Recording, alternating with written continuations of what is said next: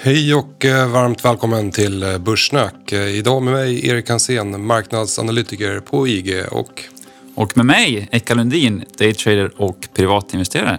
välkommen till Börssnack Eka. Tack. Hur känns det? Jättekul att vara här. Ja, du är idag ersättare till Jonas Olavi. Ja, vilken ära. Jonas har idag andra åtaganden, tillbaka nästa vecka.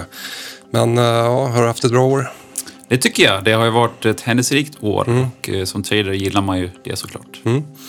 Vi ska prata mer om det i podden såklart. Eh, Vi har kommit till avsnitt eh, 95 och eh, vi spelar in det här torsdagen den 3 september.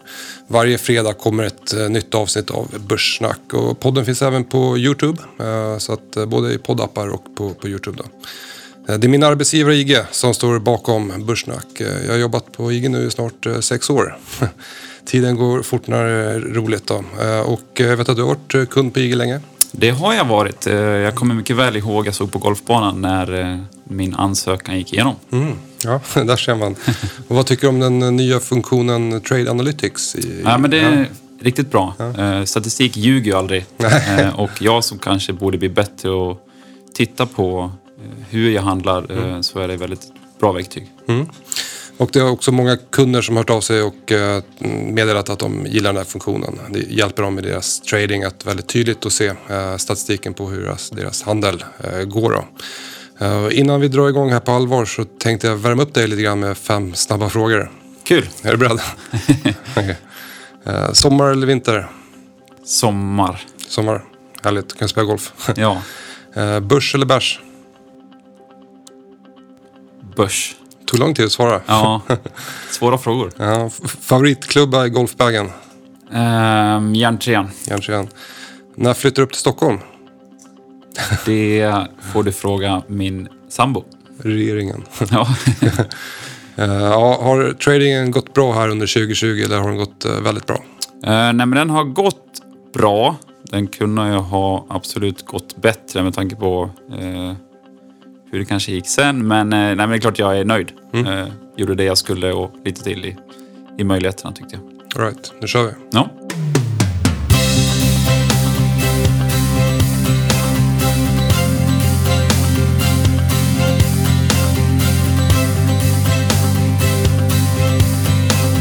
Börssnack med Hansen och Olavi.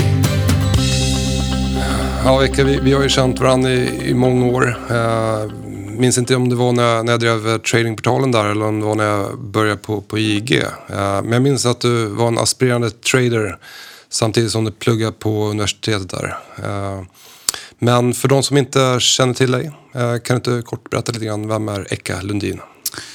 Jag är en 29-årig dalmas som förhoppningsvis hörs tror jag på min dialekt. Jag bor i Örebro som jag flyttade till för att plugga nationalekonomi. Eh, mitt intresse för, för börs och ekonomi har väl alltid funnits där eh, och intresset för siffror. Och ehm, eh, under skolan så satt jag väl och handlade mer än vad jag kanske pluggade och eh, tanken var väl att kunna handla heltid och det har jag väl gjort sedan plugget tog slut. Mm. Det känns, min, min uppfattning om dig är att du, du är väldigt eh, disciplinerad och alltid varit väldigt hungrig. Dedikerad till det du gör. Eh, jag menar, du har ju till och med vunnit eh, junior-SM i golf till exempel. Det är klart det kräver väldigt mycket arbete och disciplin. Mental styrka också. Är det så att du är väldigt disciplinerad? Ehm, ja, men det är jag väl kanske absolut. Men jag tycker om ordning och reda och... Eh, Är du bättre golfare idag än då eller? nej, det är jag inte. Jag tyckte... Nu, idag vet jag hur svårt det är. Det visste jag inte då. Ja. Det är kanske lika med tradingen. Jag är ung på marknaden och hungrig och kanske inte så rädd. Man tänker inte så mycket, man bara slår bollen. Ja, ungefär. Och om vi kollar på, på aktiemarknaden, kollar vi USA så fortsätter de göra nya rekordnivåer. Det känns som eh, nya rekordnivåer nästan varje dag. I Europa så har marknaden mer rört sig eh, sidledes inom konsolideringar. Jag såg att eh, OMXS30 idag bröt uppåt, över 1800 punkter där. Eh, men, men du som daytrader eh, kanske inte alltid egentligen behöver ha någon åsikt om marknaden. Det spelar ingen roll om marknaden stiger eller faller. Och du kanske inte behöver ha någon större conviction. Men har, har du någon åsikt om, om marknaden överlag? Jag försöker som du säger kanske inte ha en jättestark åsikt. Eh, det är ju för att jag vill kunna tjäna pengar varje dag. Och jag är ju en liten aktör så jag lär ju anpassa mig efter marknaden. Men det är klart att eh, man kanske har någon typ av åsikt att nu har det kanske gått upp lite väl mycket tycker man. Men eh, eh, styrkan håller i sig så det kanske inte är läge att ta en negativ position heller. Eh, det är många analyser som ska tas in. Och jag vet att du hänger också väldigt mycket på småbolagslistorna eh, som är eh, tradingvänliga. Det är mycket, mycket som händer där och stora rörelser. Hur, är stämningen överlag skulle du säga? Uh, nej men det har ju varit en extrem eh, riskvilja där ute tycker jag. Eh, det är klart att tidigare, oavsett uh, stämning på börsen, så har det alltid varit enstaka flugor som har populära aktier lite som har kommit upp. Men nu tycker jag det har varit en, eh, en bredd. Mm. Utav flera större ja, men alltså, olika aktier som går att handla kontinuerligt. Eh, så det upplever jag lite skillnad. Handlar du Odd Molly förra veckan? Odd Molly, absolut. Eh, eh, man, man tvingas in i sådana där volatila... Det är väldigt roligt, bra likviditet, mycket traders. Eh, Det är någonting man gillar. Jag, jag har med mig en, en lista här på aktier eh, som jag har screenat fram. Eh, jag vet inte om du har handlat de här, men jag tänkte nämna några och sen får du säga om du har handlat dem eller inte. Okej. Eh, Catella, Ja. okej. Odd Molly, det har du sagt där. Eh, Fingerprint, Ja. okej. Eh, Studsvik, Ja. eh, Hansa Biofarma, Jajamän. Anoto, Ja. eh, Vioneer, Ja. Endomines, Nej. okej. eh, Starbreeze, Ja. okej. Ja, jag kan fortsätta här.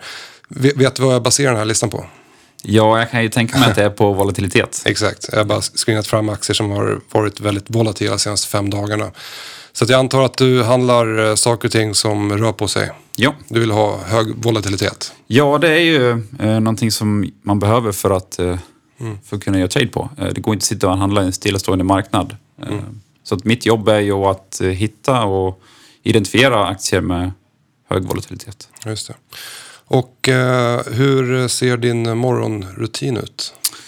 Eh, Jag brukar försöka träna på morgonen. Eh, I alla fall kanske röra på mig och få en eh, gnutta luft. Eh, Allt för att jag ska kunna känna mig laddad och taggad inför, inför det som händer när öppna, börsen öppnar. Eh, Men annars är det mycket information i allt ifrån din morgonrapport eh, som är utomordentligt såklart. Tack, Som, tack för den reklamen. Ja, eh, nej men det är ju, du gör ju ett eminent jobb med att sortera mycket information som kommer till, till marknaden och allt brus som, som ska hanteras. Så du gör ju mycket av vårt jobb som behöver göras. Eh, Men annars så är det ju det vanliga med allt ifrån eh, rapporter och pressmeddelanden från bolagen. Det är mycket information som kommer på morgonen, även på kvällen och natten. Så att det, det gäller verkligen att veta vad man ska eh, kolla på. Jag har ju skrivit morgonrapporten nu i 13 år. Eh, började på, på E-trade. Eh, sen var jag egenföretagare ett tag, drev tradingportalen och ha- handlade och sen började på IG för, för sex år sedan. Så att, eh, för, mig handlar det väldigt mycket om att ge mig mycket kunskap och när man skriver en morgonrapport så gäller det hela tiden att lä- läsa på. Så att det är väldigt lärorikt också. Så att Det kommer ju mer nyheter än vad det finns marknader att handla. Så att, ja, bra. verkligen. Viktigt att sålla. Verkligen. Och under det här året så har det varit väldigt enkelt också att skriva äh, morgonrapporter som det händer väldigt mycket saker hela tiden. Det var värre 2017 till exempel när det hände inte så mycket egentligen utan det var- marknaden bara drift uppåt. Eh, Jag tänkte på hur eh, finns det perioder ibland där du kan känna dig omotiverad eh, till, till att handla eller är du alltid hu- hungrig när du liksom stiger upp på morgonen? Mm, nej, men det är klart att, eh, att man kan känna sig omotiverad i olika... Men det är på grund av olika anledningar. Det behöver inte vara att tradingen kanske går dåligt eller att man tycker att det är tråkigt. Det kan ju bero på andra saker. Eh, till exempel om solen inte skiner eller vad det nu kan vara. Eh, men jag tycker att det är absolut roligt att gå upp, till, eh, gå upp på morgonen och gå till skärmarna. Det är ju såklart roligt. Vet du om du handlar bättre under eh, liksom, den perioden på året det är ljusare ute än den perioden när det är mörkare?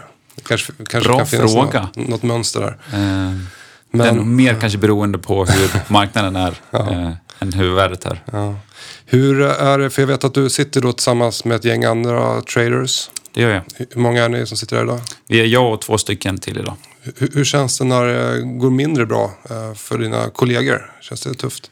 Eh, nej men det är såklart inte alls kul. Eh, jag vill ju att de ska lyckas och, och eh, det gör de ju tycker jag. Eh, men det är klart att det kommer ju dagar där det både går dåligt för dem och för mig. Och det är klart att då är det inte lika kul att kanske gå ut och ta en lunch tillsammans eller eh, tjoa och simma och ha kul. Liksom. Så att det, för stämningen på kontoret och allmänna trivsel så, så är det såklart ingenting som man gillar. Mm.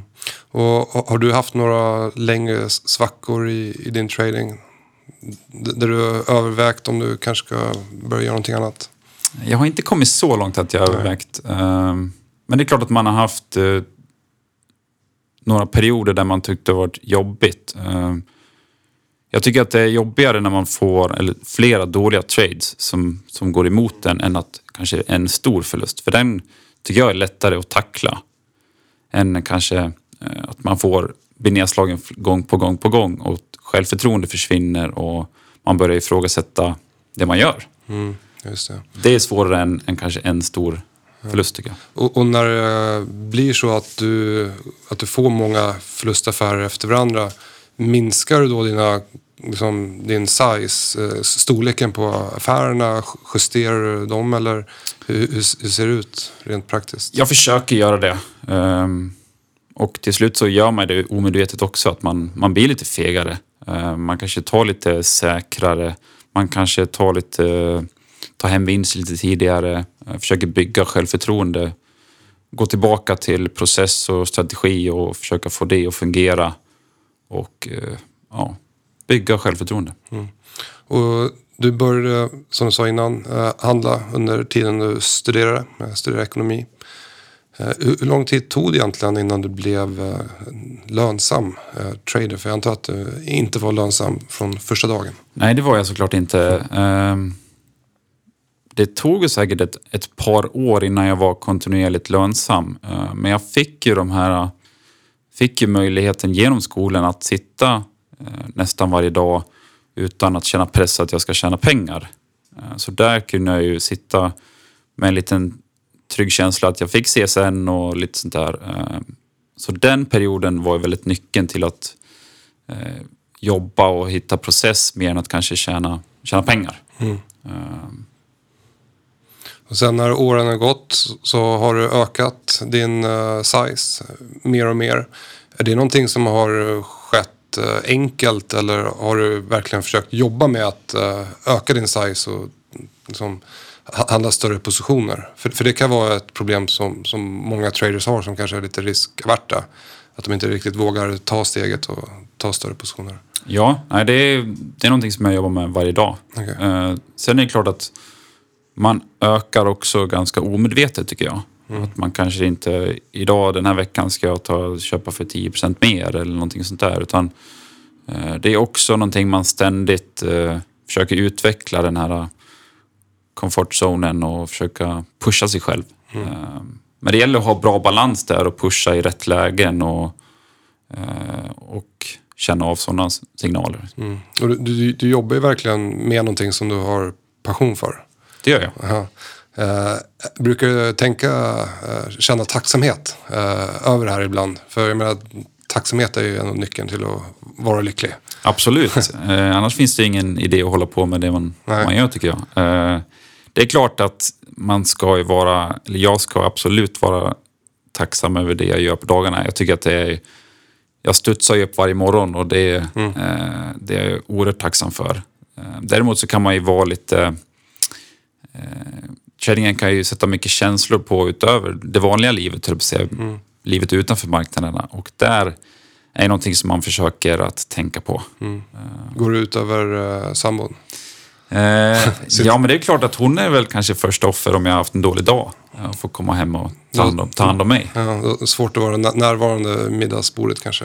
Ja, eh, allt ifrån vad det är semestrar och någonting händer på kvällar och sådär. Så att, eh, eh, Apropå semestrar. Eh, jag vet att ofta när du är bortrest så brukar marknaden falla. Vi var ju och spelade golf i Spanien för något år sedan.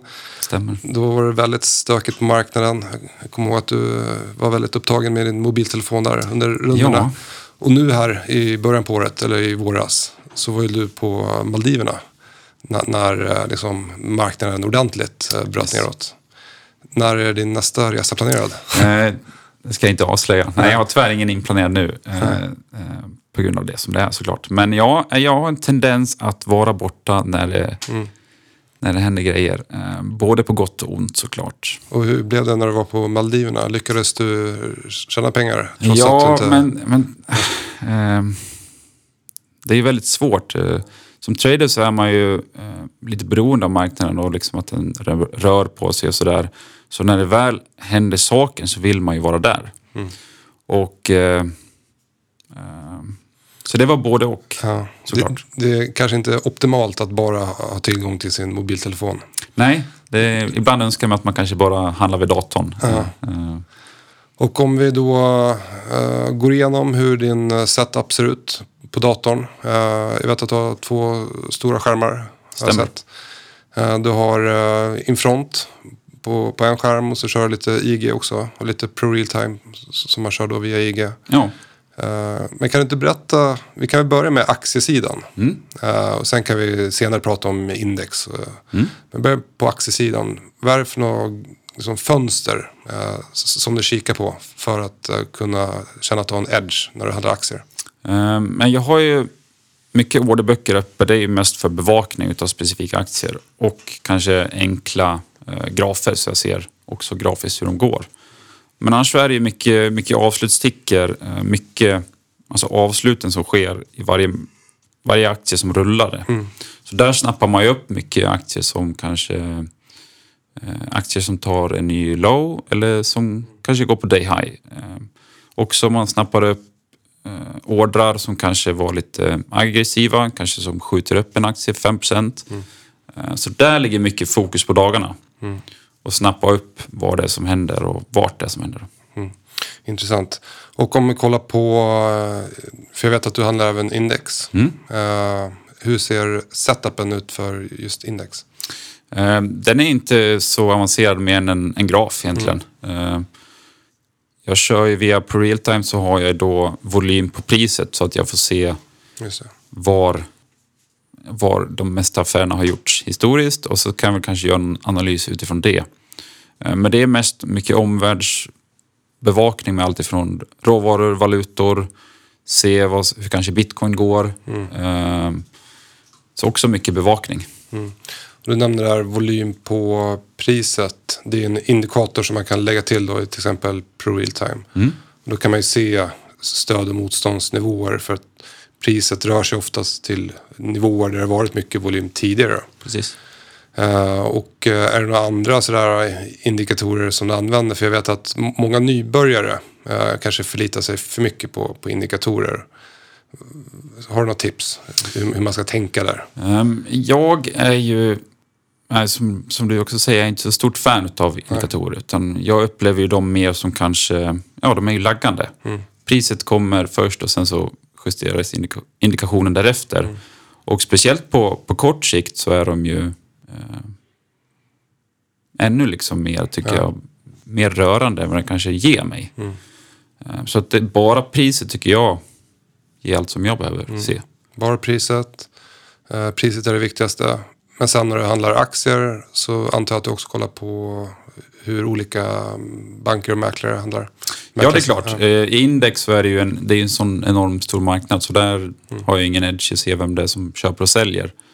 Eh, Men i specifika aktier så går det ju att se tydligt vilka det är som köper, hur de köper, eh, om det kanske finns någon köpsnurra eller säljsnurra som, som ligger och tuggar. Eh, Man kanske kan använda den till att köpa och fronta den eh, och sälja lite dyrare.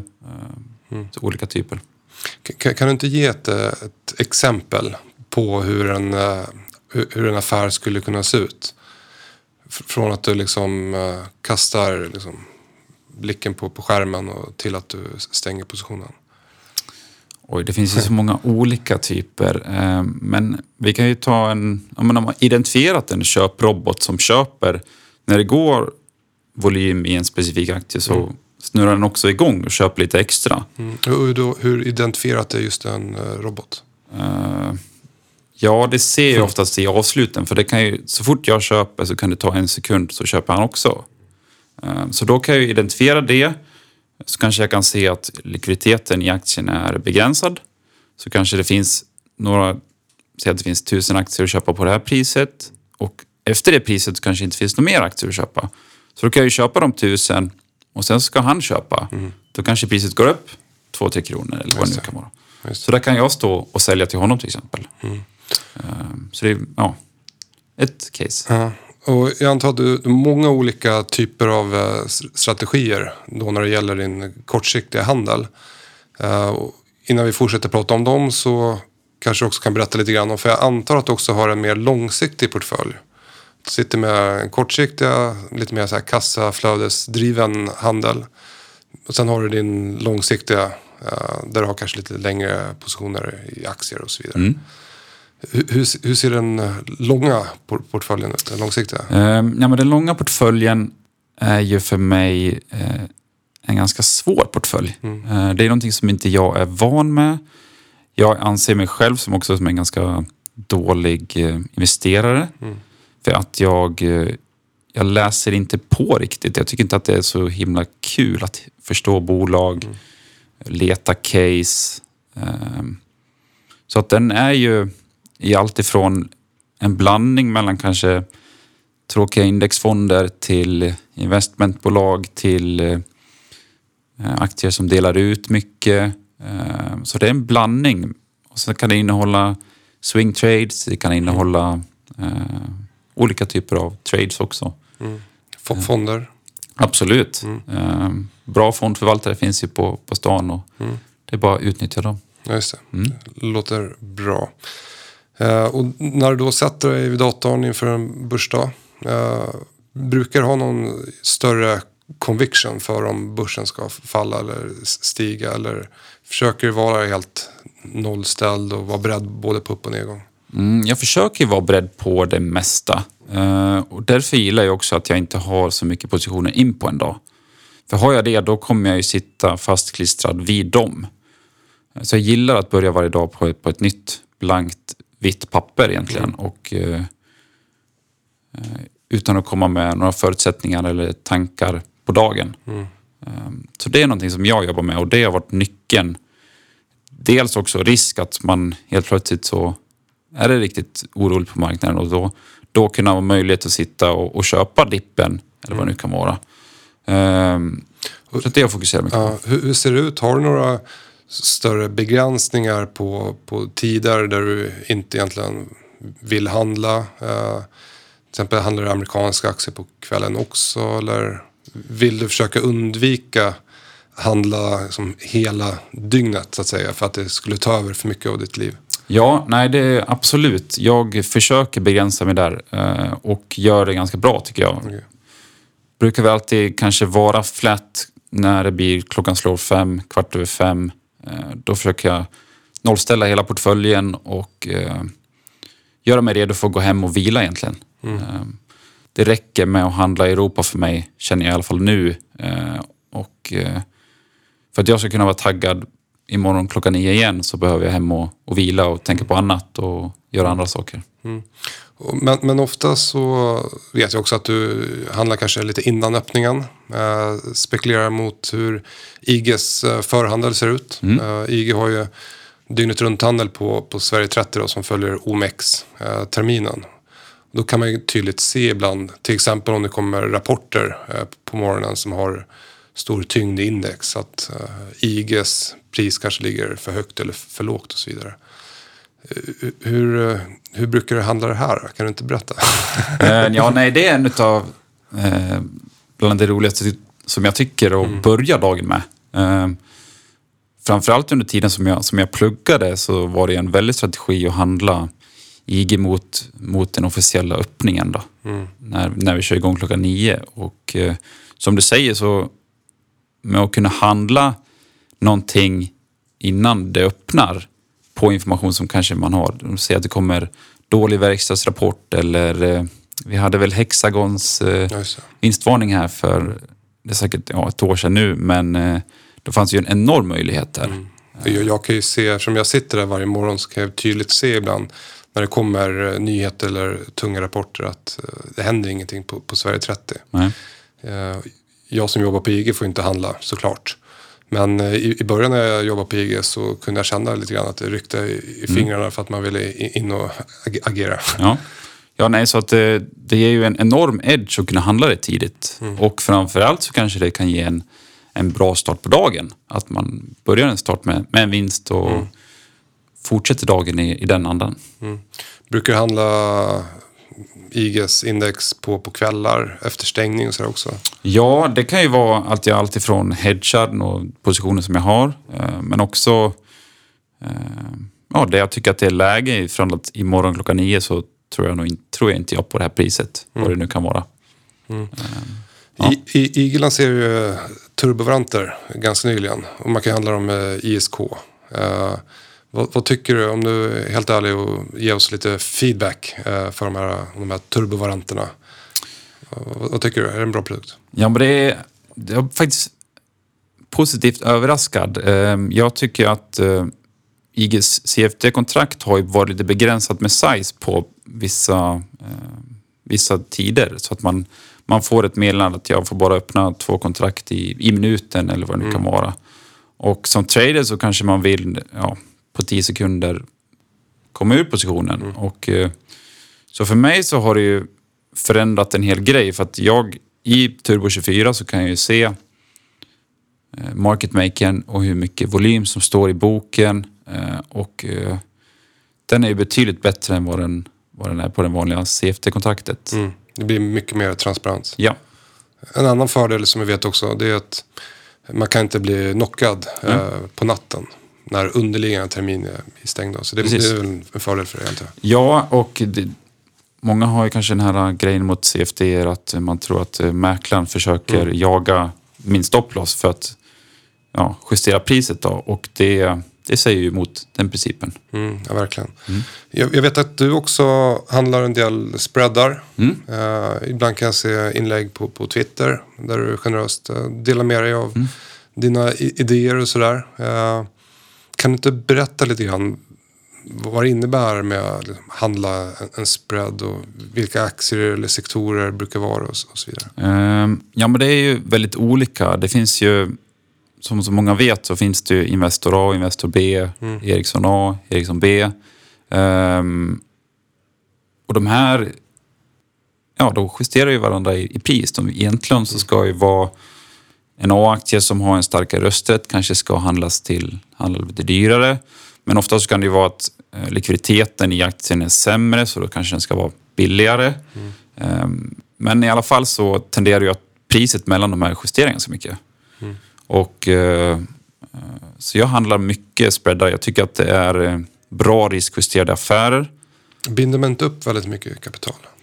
Du kan ju göra det, men eh, du har ju också möjlighet till, till belåning i sådana här case. Du kan ju, ja, det är ju bra fina bolag också som, har, som du får belåningsvärde på. Just det. Är det även investmentbolag? Ja, det kan man absolut handla med, med premie och rabatter. Um, Creades har ju kört lite här nu som har kommit upp till en 70-80 procent i- i premie. Då. Okej, ja. Ehm, också, Då blankar du investmentbolag och köper avans? Eller? ja precis. Ehm, så det är väldigt... Jag gillar sådana case. Jag tycker de är bra, ja men riskjusterade. Jag som kanske är lite riskavert av mig. För, för många kan ju tänka sig att daytrading eh, kanske kan låta väldigt riskfyllt. Eh, och man, man tar stora positioner och det finns stor risk att man förlorar pengar och så vidare. Men daytrading är väl egentligen eh, mindre riskfyllt än till exempel swing trading eller alltså investera. Ja, alltså jag anser ju min strategi, eller mina strategier, väldigt låg risk. Jag har alltså, jag ser bara en större risk att bara äga en vanlig aktiefond. Eh, och jag som liksom en, en, en li, liten aktör som lätt kan flytta mina fötter, är någonting som jag utnyttjar och någonting som jag kanske är duktig på att identifiera olika aktier och trender, vad det nu kan vara. Så att, eh, men också ha möjlighet att bara steppa ur marknaden på, på 10 sekunder om jag vill det. Eh, är ju någonting som, som jag tycker många ska utnyttja. Mm. Det är en stor fördel för privatinvesterare eller traders. Verkligen. eh, som inte större aktörer. Precis, så att alternativet för mig är ju inte bara att köpa en, en aktiefond. Och, utan jag tycker att det är, det är svårt att jämföra. Mm, verkligen. Eh, om vi återgår till spreadar. Eh, finns det något sätt som du har, eh, liksom, har du någon systematik i det där? Eh, det vill säga, har, någon, hur upptäcker du eh, om det är någon A eller B-aktie som spreadar isär? Har du några listor på det eller är det bara någonting som du liksom klickar fram eh, manuellt? Nej, men jag har bevakning på, de- på de flesta. Eh, det finns ju också via på realtime att bygga upp. eh, Och det finns ju också att sätta larm då till exempel ifall, eh, ifall att Investor A är 10 kronor billigare än B eller vad det nu kan vara. Eh, Så då sätter du ett litet larm där? ja, så plingar får jag ett litet pling då. Finns det några andra screeners eh, som du jobbar med i Pro Real Time? Jag brukar köra bara och identifiera starka aktier. Ja. Eh, Svaga också såklart. Aha. Eh, eh, Det kan ju vara allt ifrån de som är en eh, 10 dagars high eller en 50 dagars high. Det kan vara lite olika. Eh, Sen om man, ska, om man vill blanka dem eller om man vill köpa, köpa en surdeg. eh, Det är olika strategier. Då. Men det kan i alla fall ge idéer eh, istället för att man kanske missar den.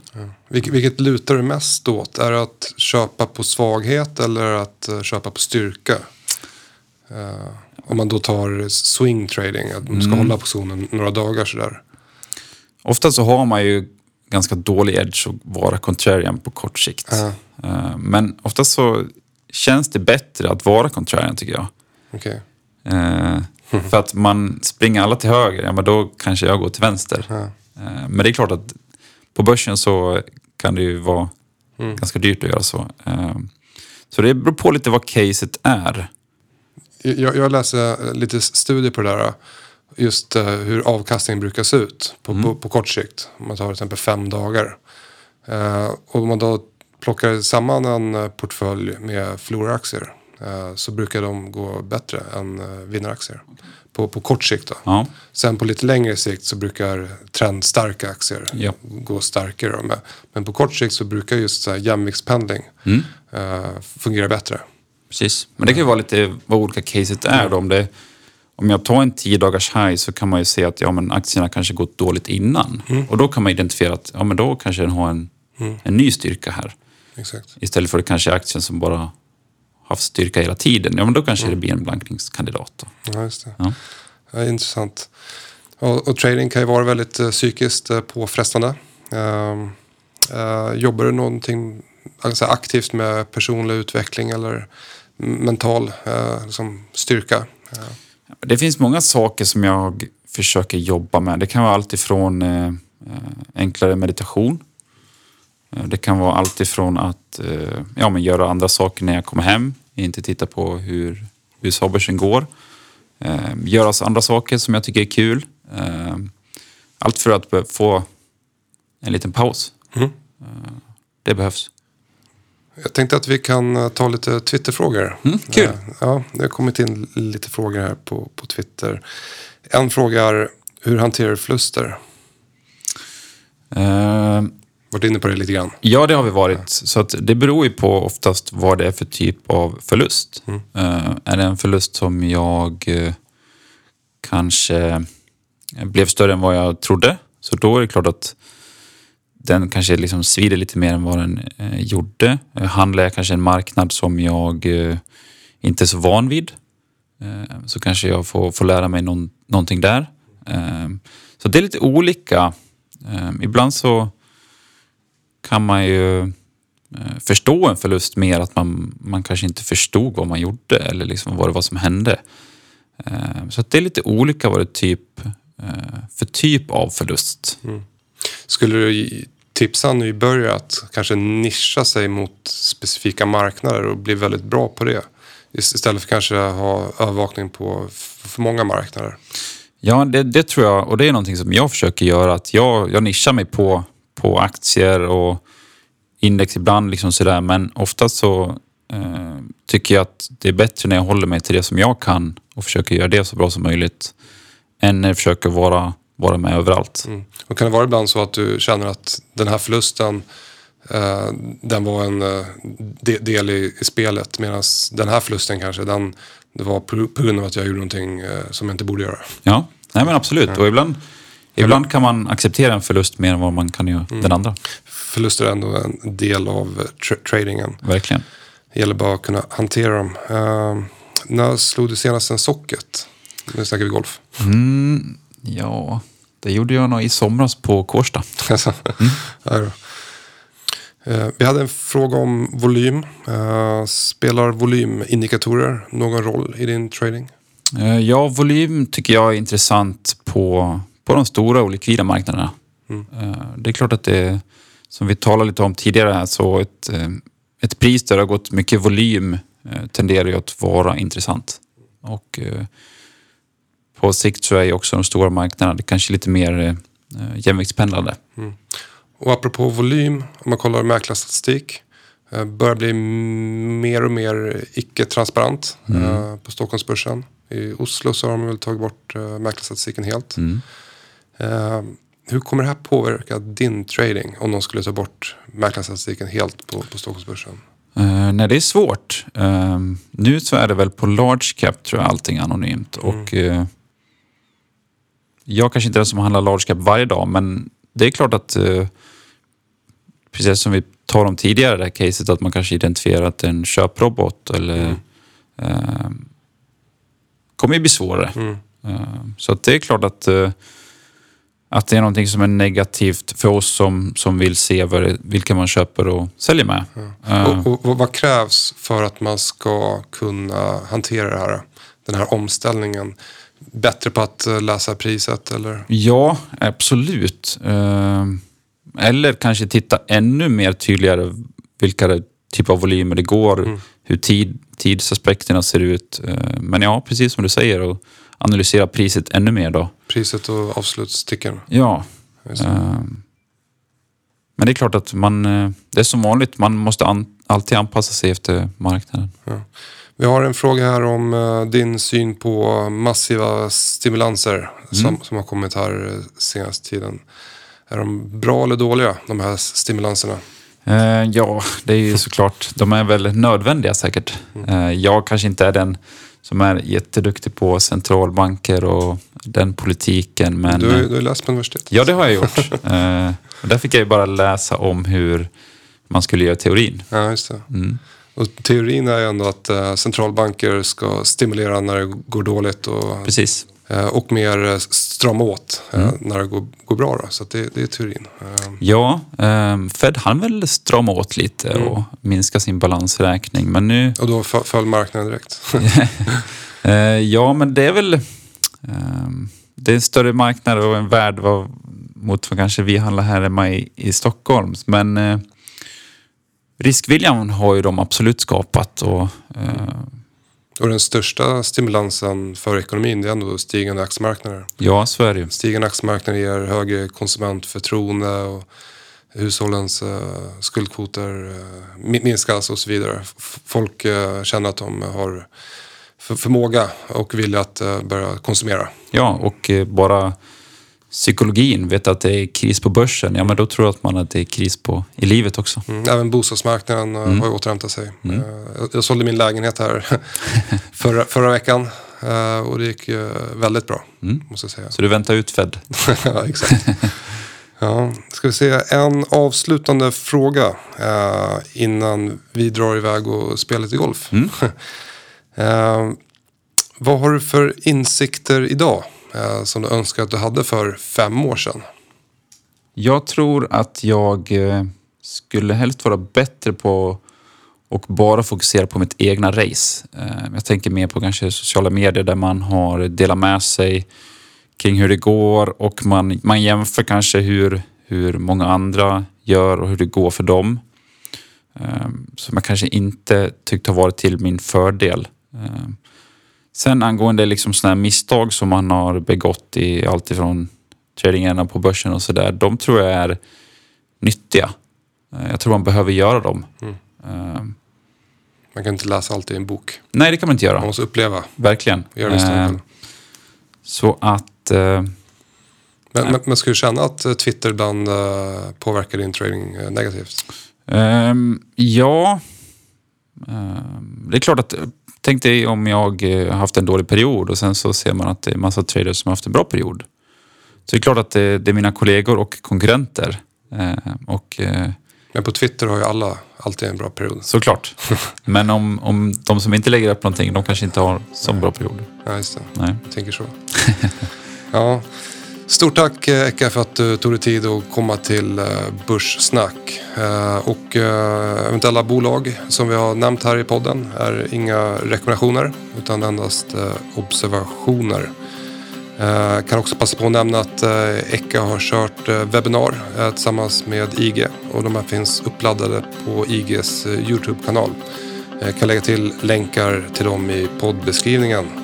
Tack för idag. Tack.